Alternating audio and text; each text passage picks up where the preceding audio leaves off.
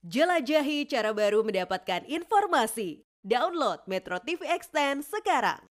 Pemirsa berdasarkan hasil survei status gizi Indonesia pada rapat kerja nasional BKKBN bulan Januari lalu, tingkat stunting di Indonesia turun dari 24,4 persen di tahun 2021 menjadi 21,6 persen di tahun 2022. Pemirsa, angka stunting Indonesia ini memang semakin menurun, namun masih di atas standar WHO, yang mana prevalensi stunting harus kurang dari 20 persen menurut WHO. Presiden Joko Widodo sendiri menargetkan tingkat stunting Indonesia turun menjadi 14 persen di tahun 2024.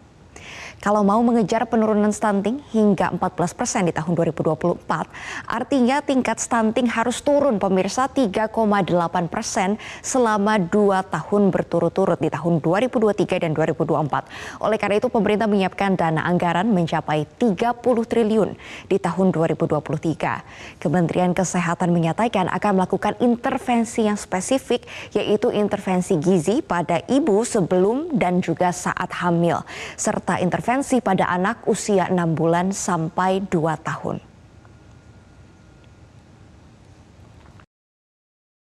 Cara mudah mendapatkan informasi dengan satu sentuhan jari. Download Metro TV Extend.